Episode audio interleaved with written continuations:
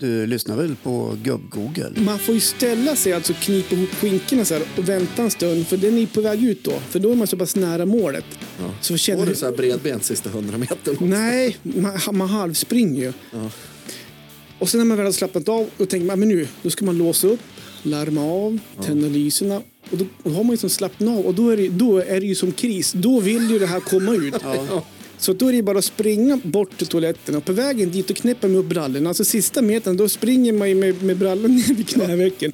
I alla fall, eh, ja. men jag tänkte prata om eh, barnasinnet. Eh, jag älskar mitt eget barnasinne och, och jag bejakar gärna det. För ibland är det så jäkla befriande att inte vara den vuxna i rummet. Jämt. Jag kan till exempel ibland brista ut i ballett. Det har vi nästan haft en film på, Ja, fast det har- var ju det var ju ja, det Riverdance. Var lite. Riverdance. Ja. Men alltså, jag, kan, sociala medier. jag kan brista ut i riktig ballett. Alltså jag kallar det riktig ballett. Är det en dold talang? Det skulle jag inte vilja säga eh, på det sättet. Okej. Mer än att eh, jag dansar ballett. Och gärna framför familjen när det är tv på. Eh, men jag hade en träslöjdslärare en gång i tiden som hette Rune. Ja. Eller som vi kallade honom. Spånrun.